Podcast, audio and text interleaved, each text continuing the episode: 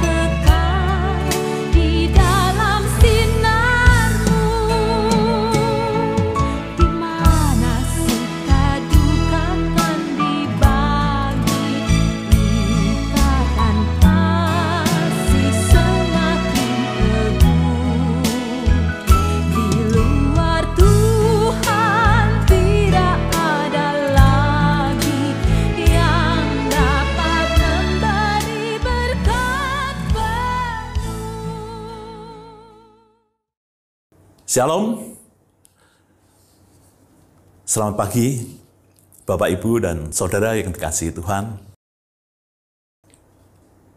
Sungguh bersyukur kalau pagi hari ini saya boleh mendampingi Bapak Utomo untuk menyampaikan hikmat pagi. Rasanya sudah terlalu lama, enam bulan saya tidak pernah hadir di dalam hikmat pagi. Saya berharap Bapak, Ibu, dan Saudara semua dalam keadaan sehat, berbahagia, dan tentunya diberkati Tuhan. Mari, sebelum kita masuk ke hikmat pagi, kita terlebih dahulu berdoa. Tuhan Bapa yang surga, kami berterima kasih untuk satu pagi yang indah. Kami boleh bangun dengan badan yang sehat. Tuhan sudah memberkati kami semalam yang boleh kami lalui. Sebentar kami akan mendengarkan firman Tuhan. Buka hati kami ya Tuhan, biarlah firman-Mu yang nanti ditaburkan boleh masuk dalam hati kami dan boleh menjadi tuntunan bagi kehidupan kami sehari ini. Sekali lagi Tuhan beri hikmat kami dan kami akan menyerahkan waktu ini hanya di dalam tangan Tuhan. Dalam Yesus kami berdoa. Amin. Hikmat pagi pada pagi hari ini berjudul Inisiatif Allah.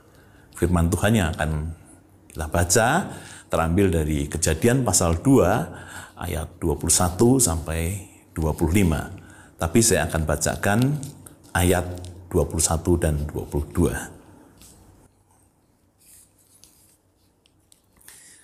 Demikianlah firman Tuhan. Lalu Tuhan Allah membuat manusia itu tidur nyenyak.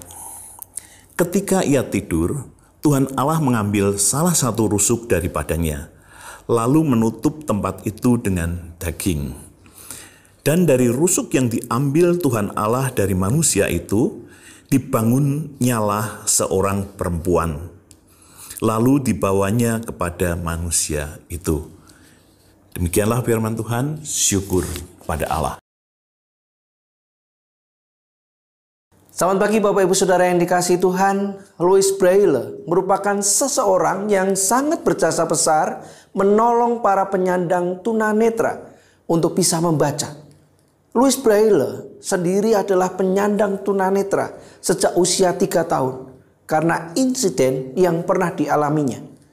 Pada usia 10 tahun, Braille memperoleh beasiswa untuk belajar di Royal Institution for Blind Youth, Paris. Sebuah lembaga pendidikan khusus untuk anak-anak tunanetra. Di sana ia belajar membaca huruf-huruf yang dicetak timbul pada kertas dengan cara merabanya. Tetapi cara itu membutuhkan waktu dan sering membuat lupa tentang apa yang telah dibacanya. Braille berinisiatif menemukan cara untuk lebih mudah menolong para penyandang tunanetra. Pada usia 15 tahun, ia berhasil membangun satu sistem membaca yang ideal dengan menggunakan satu sel 6 titik dan didasarkan ejaan normal yang dikenal sebagai huruf Braille. Louis Braille dengan inisiatifnya telah menemukan metode membaca bagi para penyandang tunanetra.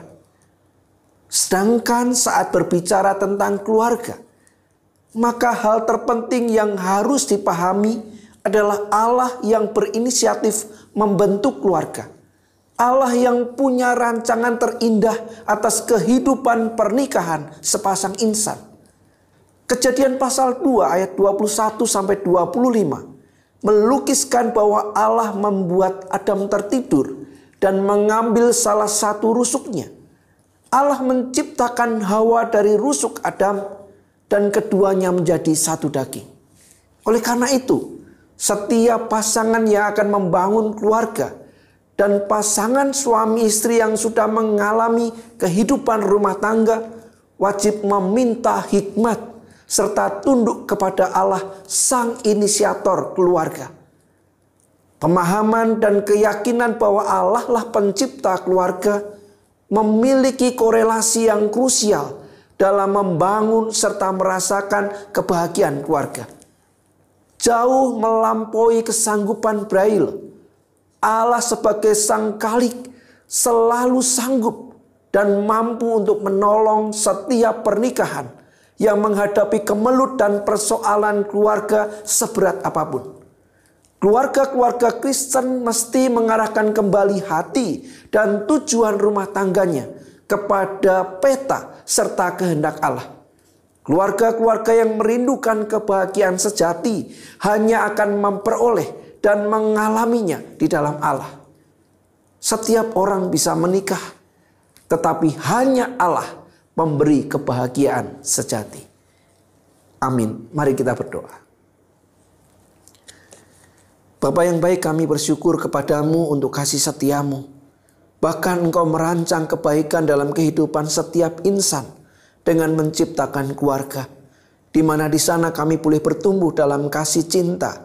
Boleh bertumbuh untuk bersama-sama mengarungi kehidupan yang Tuhan anugerahkan. Oleh karena itu mampukan kami keluarga-keluarga Tuhan untuk hidup bahagia, harmonis, sejahtera dalam rancangan dan peta Tuhan. Berkati kami semua hari ini, biarlah hari ini menjadi hari yang membahagiakan dan membawa sukacita besar dalam kehidupan kami bersama. Di dalam nama Yesus kami berdoa. Amin. Keluarga-keluarga yang dicintai Tuhan. Memang dalam kehidupan ada suka dan duka. Ada tangis, ada tawa. Namun mari kita percaya bahwa Tuhan menciptakan keluarga baik adanya. Allah adalah sang inisiator agung keluarga. Allah memiliki peta dan rancangan terindah bagi setiap keluarga. Setiap keluarga yang setia menapaki jalan ketetapannya akan mengalami dan menikmati anugerahnya. Selamat menikmati keluarga, selamat menikmati kasihnya. Tuhan memberkati.